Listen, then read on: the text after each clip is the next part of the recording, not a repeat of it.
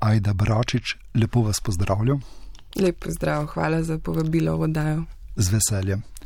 Minilo je že kar nekaj dni, tednov, odkar je šla vaša pripovedna zbirka z naslovom Leteči ljudje.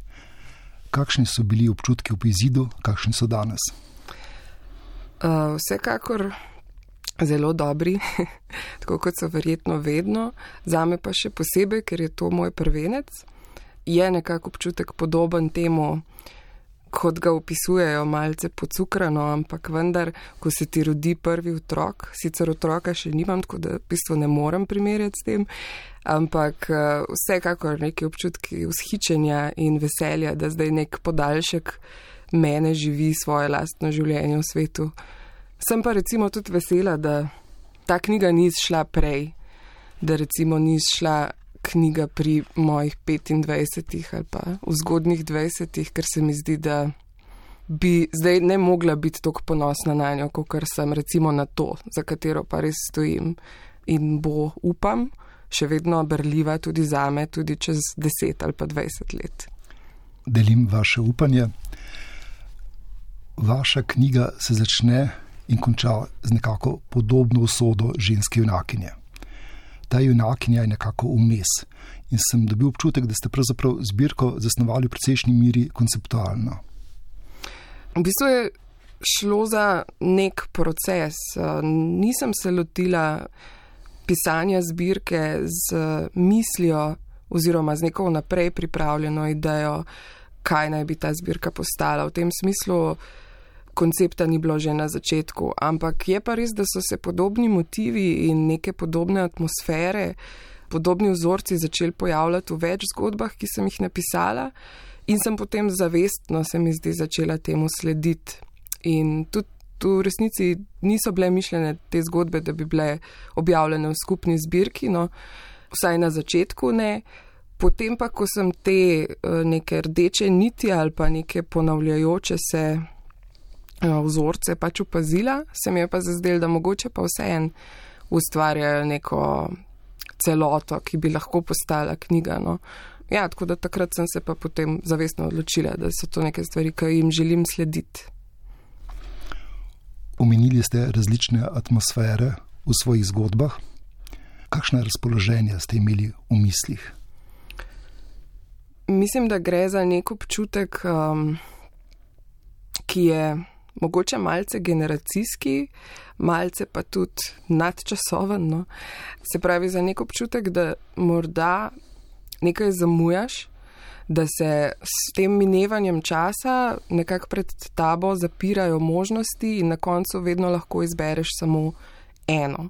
Vse ostale možnosti pa živijo v nekih paralelnih svetovih in te mogoče samo vsake tok časa upominjajo na to, kaj bi lahko bilo pa mogoče zaradi nekih tvojih izbir do tega ni prišlo. Zbirki je naslov Leteči ljudje in čeprav gre za naslov ene izmed zgodb, se mi je zdel za celo zbirko to dobra izbira, zato ker se mi zdi, da je ta atmosfera ali pa ta občutek mogoče mal podoben letenju ali pa vsaj lebdenju. Se pravi, da si kot nekak obešen nekje sredi enega vakuma, v trenutku, ko se pač vse ustavi in so nekako vse te izbire pred tabo položene kot neke karte, med katerimi lahko izbiraš in seveda ta trenutek takoj mine, ampak zdi se pa, da traja zelo dolgo časa. Omenili ste morebitno generacijsko naravo teh zgodb. Dodajam, da jih sam nisem bral kot generacijske zgodbe, ampak kot zgodbe o ljudeh, ki se najdejo nekje v nekem mestnem prostoru, celo času. Kakšno mesto, kakšno vlogo odigra čas v vaših zgodbah? Hmm. Mene nasplošno zelo zanima prostor, tako profesionalno, ker sem po izobrazbi arhitektka, kot recimo v tej drugi moji profesiji, ki je pisanje. Čas je pa s prostorom nekako neločljivo zvezan. Mislim, da pač gre za nek ta kontinuum, ki ga moramo vse čas raziskovati. In čas, mislim, da v teh zgodbah se pojavlja predvsem kot neka stvar, ki odteka, ki jo je vedno premalo.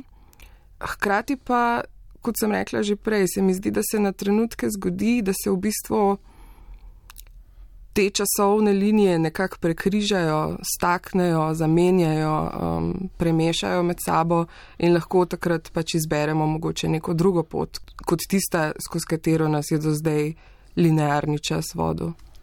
Dobro, poti se nekako cepijo, lahko, ne? ampak v slovenščini mislim, da nimamo glagola časiti, ne?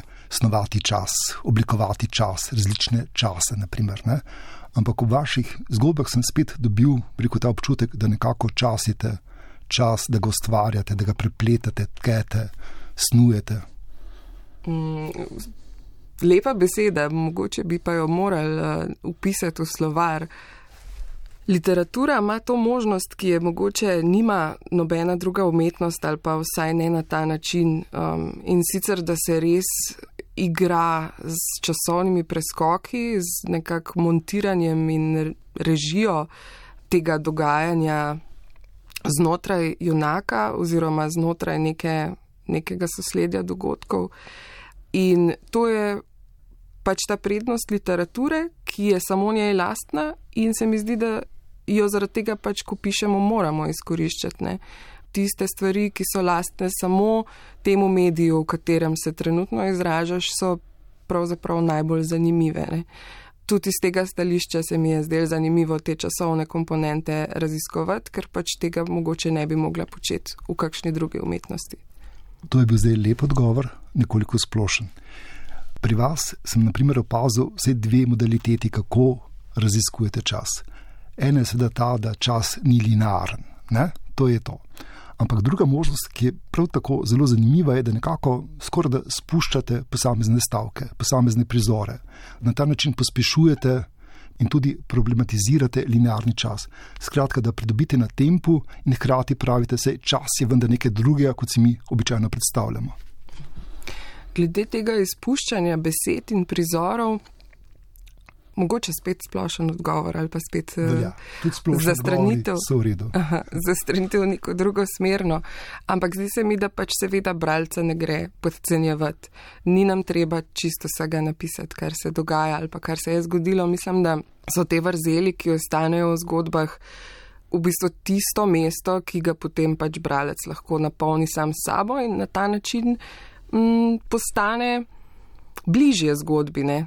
Prav te luknje, so vstopne točke v, v neko zgodbo. No? Tako da, ja, to se mi zdi, da sem kar zavestno počela, da sem, da sem nekatere stvari izpuščala.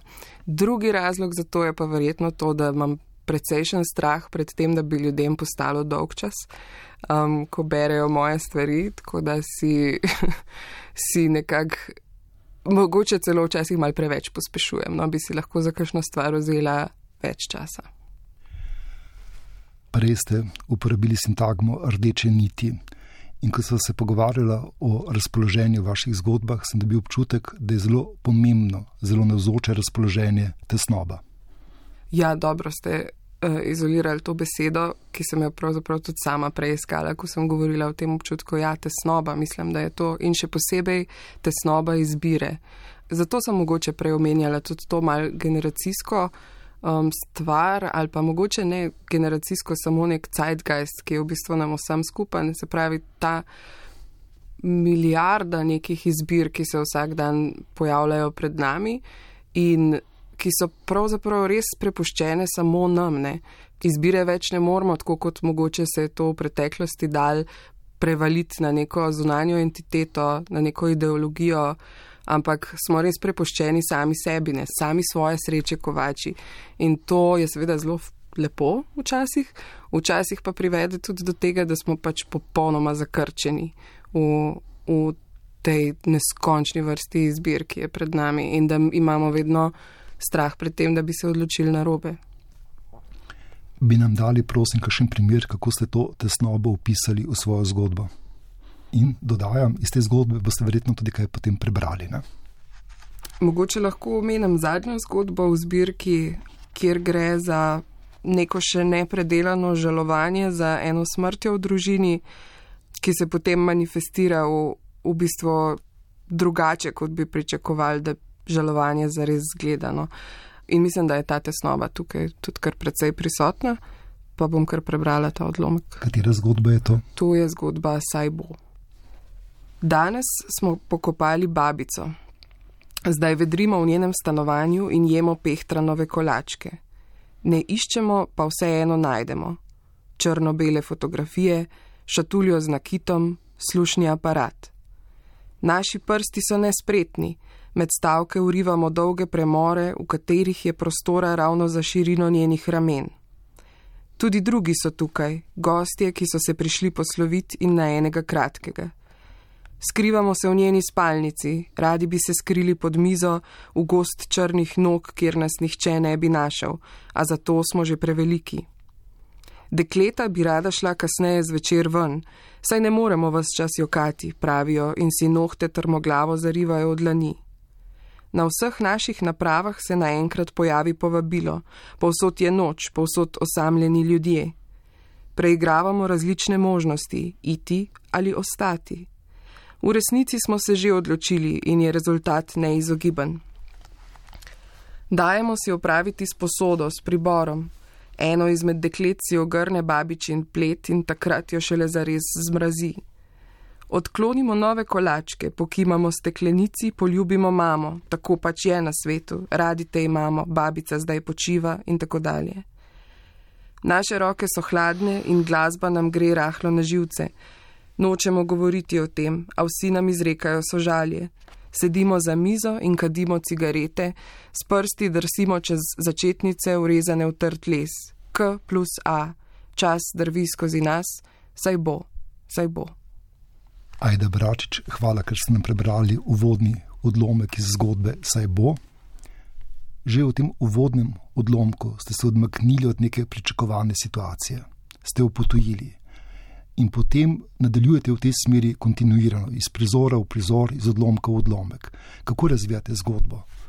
Mm. Kaj poganja zgodbo? Ste imeli mogoče na začetku pisanja neko željo prav potujiti neko skoraj stalno situacijo iz naših življenj? No, ta specifična zgodba se je pravzaprav začela z željo po upeljevanju refrena. Eh, ta refren je bil saj bo, saj bo, kot neko zagotovilo sam sebi, da bojo stvari boljše, kot nek način samoregulacije. Se mi zdi, da jaz sama recimo ta izraz saj bo v življenju kar precej uporabljam, tudi dostkrat ga slišam od drugih. Tako da sem razmišljala potem o neki situaciji, ki je prehuda, da bi se jo dalo v resnici ubesediti in smo prepuščeni samo temu nekak ponavljajočemu se zagotavljanju, saj bo, saj bo, ne, češ čas bo pozdravil vse rane. Tako da v bistvu se je vse skupaj začelo z formo in to se dostkrat zgodi, se mi zdi v mojih zgodbah. Mene zelo motivira forma, uh, eksperimentiranje pač z različnimi oblikami, z montažo no, na nek način. Tako da se dosti krat najprej pojavi želja potem, da bi zgodba padla v nek oblikovni kalup, potem pa zatem pride še neka primerna vsebina za to. Skratka, na začetku je neke vrste pisateljska želja po igri, po ustvarjanju nečesa novega, skratka, neke vrste intelektualna igra, iskanje, raziskovanje, in potem se ta zgodba nekako razvija, postaja breko življenja oziroma meso. Ampak tisto, kar me zanima pri tej zgodbi, saj bo, je tudi to, da vi ste podarili ta refren. Ampak ta refren je v vse večjem razkoraku samo zgodbo. Ne? Mhm.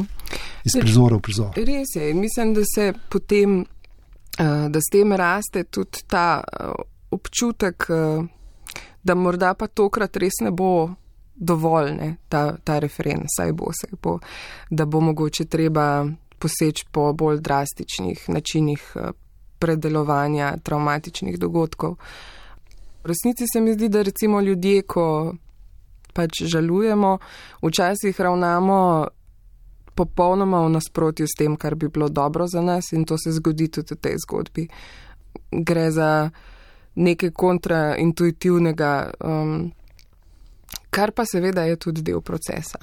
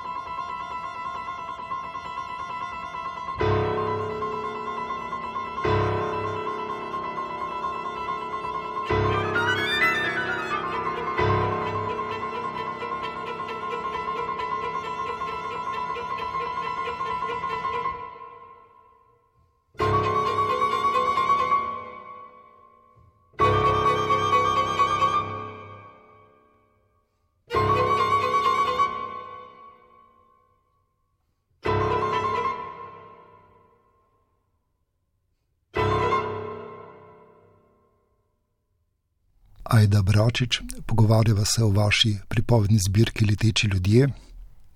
Umenili ste nekoliko travme, umenili ste tudi montažo, mimo grede napisali ste zgodbo, neke vrste poklon mojstru sovjetske montaže. Ampak tisto, kar se nekako vrača v vaših zgodbah, je tudi neke vrste srečanje s smrtjo, z grozo izgube, s poskusom razumevati to izgubo, to izgubljanje celo postopno, bi rekel, raztočo stisko drugega druge. Zakaj se kot avtorica odločate za tako težke teme? Tukaj mislim, da sta dva odgovora. Prvi je to, da so to seveda teme, ki so najbolj univerzalne, ki zadevajo vse nas in s katerimi se moramo vsi soočiti. In mogoče tudi sama, čist kot oseba, skozi te zgodbe nekako se poskušam pripraviti, soočiti, uh, sama razumeti in zaobjeti to razsežnost pač smrti. Drugi razlog oziroma drugi odgovor na to vprašanje je pa, je pa tudi to, da gre mogoče to pripisati moji pisateljski začetniškosti ali pa nezrelosti. To so zelo strogi. ja, no, mogoče. Ampak gre za to, da vsak ki začenja pisati, mora najprej iz sistema pometati te velike teme, se mi zdi, ljubezen, smrt, um, no, vse drugih pa več ni. In potem, ko nekako s temi upravaš, se mogoče premakneš naprej k nekim bolj njansiranim, subtilnim um, prijemom. Da, ja. V vaših zgodbah nastopajo tako ženske kot moški. Kakšno vlogo odigrajo ženske, kakšno moški? V bistvu sem spol protagonistov izbirala precej intuitivno, nisem se ravno ukvarjala s tem, katerega spola so. O tem sem pravzaprav začela razmišljati šele potem, ko so bile zgodbe že napisane. In res je to, da sem potem v neparih zgodbah zamenjala spol, samo zato, da bi videla, kako zadeva funkcionira. Ali funkcionira drugače ali ne, seveda se je pač izkazalo, da funkcionira drugače. Ampak načeloma se pač. Uh, večinoma odločam za ženske protagonistke, med drugim tudi zato, ker je še vedno potreba potem, da se nekako ta spektr, ki ga lahko ženska protagonistka zauzema v literaturi, razširi in poglobi. Dejali ste potreba. Zakaj potreba? Imate občutek kot avtorica, da ženske niso dovolj predstavljene v slovenski sodobni književnosti? Mislim, da so kljub vsemu veliko krat zvedene na neke stereotipne vloge in da se ne razširijo njihovi liki tako, kot se mogoče moški. Um, zato ni nikoli, mislim, da nikoli ne bo dovolj tega širjenja ženskih likov, no, se mi zdi. To se strinjam, ampak hkrati dodajam, da so v minulih letih avtorice napisale vrsto odličnih, odličnih zbirk kratkih zgodb. Res je, in tudi sama se po nekaterih izmed njih zgledujem. Po katerih? Seveda moramo omeniti med slovenskimi, naprimer Ano Šnabel, ki se mi zdi, da je izvrstna pisateljica. Um, sicer pa moram priznati, da bolj spremljam tujo literaturo kot slovensko, mogoče tukaj tudi zame prostor za še kak napredek. Um, všeč so mi recimo Olga Tokarčuk, seveda, pa ena ameriška pisateljica Claire Way Watkins, tudi avtorica precej kratke proze.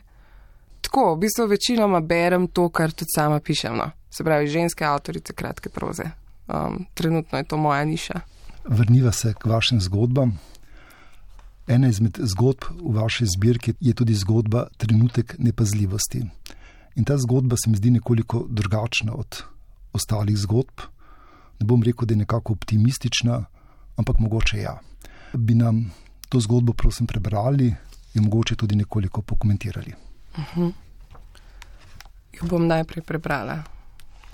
Trenutek nepazljivosti. Le trenutek nepazljivosti in raztreseni papiri završijo pod noge mimoidočih. Jaz pa, zaleteli smo se na ulici, se kaj pa da sklonim, da bi pomagala. V dlan hlastno zbiram vsebino njene torbe, pobegle kemične svinčnike, telefon, ožigalnik, pinceto, tubico s pudrom in eleganten val šminke, tekle se nasmiha in se mi na pol opravičuje. Beležnico, etui z očali, valček za odstranjevanje dlak z oblačil, raztresene kovance, amulet za srečo v obliki želve, dekle si popravlja lase za uho, ime je Ana. Kremo za sončenje, steklenico z vodo, papirčke za zavijanje cigaret, glavnik za vozlane slušalke, vstopnice za koncert, lak za nohte, študentsko izkaznico, študira na bližnji univerzi, ja, in tudi v tisti bar redno zahaja. Toaletne robčke, knjigo in knjižno kazalo, pa taj, moj bog.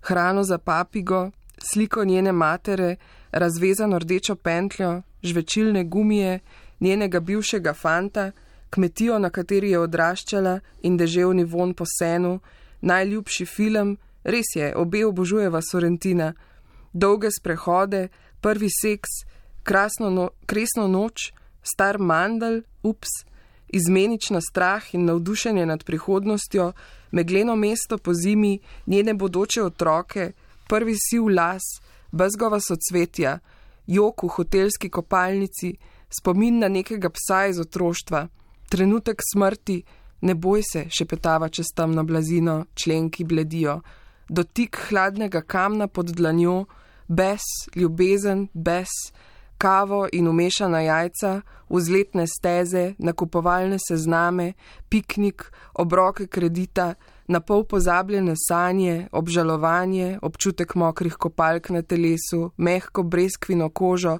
pobiram vse to in na zadnjo v njeno torbico stopim še sama, ona pa ostane in odhiti naprej na predavanje in to je šele začetek. Ajda Bračič, hvala, ker ste nam prebrali svojo zgodbo, trenutek nepazljivosti. Želite kaj dodati k tej zgodbi? Potem imamo mogoče vprašanje dve. Prva stvar, ki je zelo zanimiva, je prav oblikovanje časa, časov.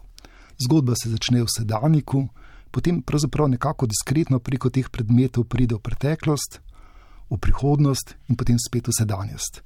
In to ste zelo lepo oblikovali kot eno samo pesem v prozi, skoraj bi jo lahko kot bralka skandirali, intenzivno brali, vers za verzom.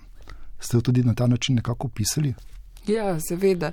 Mm, jaz sem večino svojega življenja prej pisala poezijo, um, ki ni bila ne vem kako uspešna, um, ampak eh, pravzaprav je ta kratka proza bolj kot ne neko nedavno odkritje, enih par let nazaj, um, ko pa se mi je potem vse skupaj kar odprlo no? in um, sem začela uživati v tem bistveno bolj, kot sem prej v poeziji. Um, tako da mi je pomembno, kako se stvari slišijo in tudi kako se preberejo. V, mojem, uh, v, moji glavi so te stvari vedno zvočne.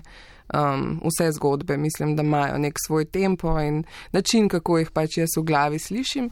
Um, tako da je vedno zanimivo poslušati, recimo, ko nekdo drug bere tvojo zgodbo, ker je pač seveda popolnoma drugačna. Vseeno ne bi zdaj prebral vaše zgodbe, imam pa nekoliko dlakocepsko vprašanje.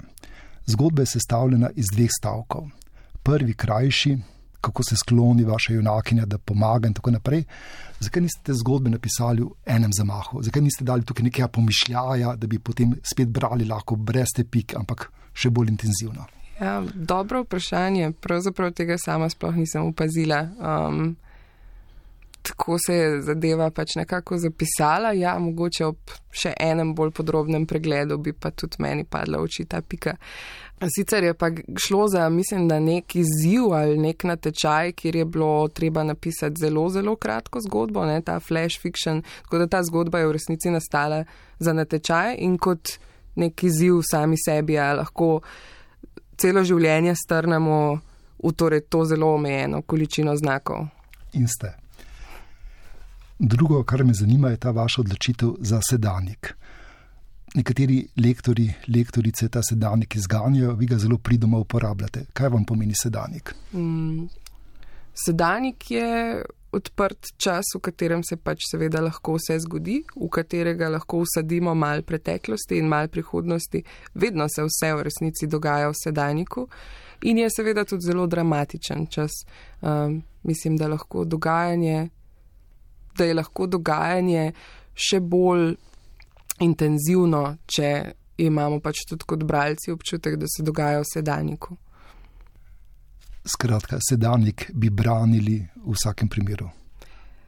Bi, ja. Um, in mogoče še specifično zato, no, ker cilj nobene izmed zgodb v tej zbirki ni pripovedovanje, kako se je neka situacija odvila. Ne. Um, ni naštevanje uh, dejstev oziroma sosledja nekih dogodkov, ampak um, je pač v bistvu ja, raziskovanje tega časa in vsega, kar se lahko zgodi. Tako da ni potrebe po nekem pretekliku in pripovedovanju zgodbe na ta način, kot smo mogoče navajeni, ko imamo protagonista, ki je šel v trgovino, se je sedel na kolo in odpeljal v mesto. Zdaj, ko ste omenili trgovino, predstavili ste nam marsikaj, tematiko, nekatere avtorske odločitve, nič pa nisva rekla o pločevinki Fižola, ki se pojavi v vaši knjigi vse dvakrat. Uh mhm, -huh, res je. Uh, to je pravzaprav čisto prva kratka zgodba, ki sem jo kadarkoli napisala. Gre za zgodbo Svetozarjeva smrt, um, v kateri se pač pojavi ta zelo glasna pločevinka Fižola. Um, tukaj je šlo v bistvu, ker sem rekla, da je prva, je šlo samo za preizkus, ali sem sposobna napisati zgodbo in po, te, po tem malem uspehu, um, ki se je tudi meni zdel, da dokazuje, da sem sposobna napisati zgodbo. Um, sem se potem odločila, da s uh, pisanjem nadaljujem. Je pa pločevinka fižola, no, neka osebna um, osebna nota tukaj zraven. Tudi, tudi moj oče je svoj čas pisal kratke zgodbe in imel celo eno objavljeno v nekem zborniku, naslov pa je bilo Fižolova juha. Zato je to pločevinka Fižola in ne pločevinka recimo koruze ali pa česa drugega. Je vaš oče prebral vašo zbirko? Je, je prebral. In kakšen je bil njegov komentar? Um, seveda zelo pozitiven in spodbuden, ampak tudi kot sam pisec je seveda izpostavil nekaj stvari, ki bi mogoče se lahko v naslednji knjigi izboljšale. In za to kritiko in za um, recimo neko iskreno branje sem tudi vedno hvaležna. Na moje zadnje vprašanje ste pravzaprav že nekako večkrat odgovorili in vendar. Kaj vam je bilo, vam je veselje pri snovanju kratkih zgodb, konkretne pri tej knjigi? Prav zato, ker se mi zdi, da je ta kratka proza za me precej novo odkritje, ne, ki se pravi traja par let. Um, je šlo za preizkušanje formata, pravzaprav pri velik od teh zgodb, se pravi za eksperimentiranje s formo, za um, raziskovanje, kaj vse ta lahko ponudi. In to me je tudi najbolj motiviralo in mi bilo najbolj veselje, se pravi to nekako bi skoraj lahko primerjala to z reševanjem križank ali pa sodokoja. Uh, v bistvu premetavanje nekih formatov, nekih forum v glavi, ki jih delaš po kosilu uh, v nedeljo popovdne, če ali pretiravam. Um, ampak ja, to mi je bilo neznansko veselje in, in mi tudi recimo kratka proza ali pa kratka zgodba ustreza, zato ker je pač obvladljive dolžine, tudi glede na moj pač življenjski slog oziroma čas, ki ga trenutno lahko namenam pisanju, um, je, to, je to optimalno in hitro nekako dobim nek rezultat in potem se že lahko podam naprej v raziskovanje nove zgodbe in novih likov in tako. Tako da za, za recimo to, da bi se lotila enega daljšega dela, mislim, da bo potrebne še kar nekaj kondicije in vaje. Ajda Bračič, hvala za vašo pripovedno zbirko Leteči ljudje in hvala za pogovor. Hvala tudi vam.